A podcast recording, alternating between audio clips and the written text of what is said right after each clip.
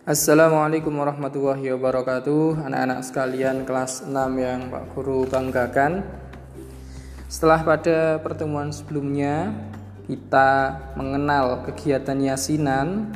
Kali ini kita akan mempelajari lebih jauh Kegiatan khas nahdiyin lainnya Yaitu tahlilan. Tentu anak-anak tidak asing dengan kata tahlilan dan kegiatannya Pak Guru yakin kalian sudah punya gambaran tentang kegiatan ini. Karena setiap hari Jumat sendiri kita sebagai warga MI Marif Klisman biasa untuk melakukan tahlilan. Secara bahasa, tahlilan berasal dari kata tahlil. Tahlil ini bahasa Arab.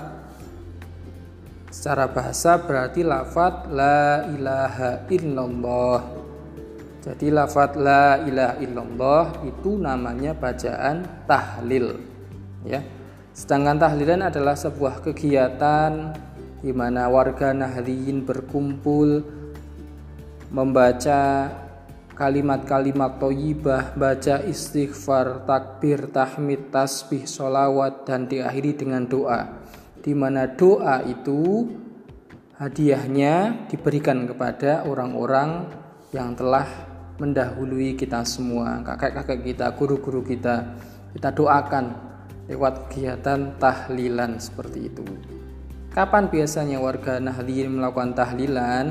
Di banyak kesempatan, seperti pada acara syukuran kelahiran anak, memberi nama anak, menjelang pernikahan, dan tentu saja ketika ada seorang yang meninggal dunia biasanya ada kegiatan tahlilan eh, mulai dari biasanya tiga hari kemudian 40 hari dan seterusnya. Inilah kegiatan tahlilan sebagai salah satu eh, tradisi khas kita sebagai warga Nahdliyin lalu urutan bacaan tahlil seperti apa?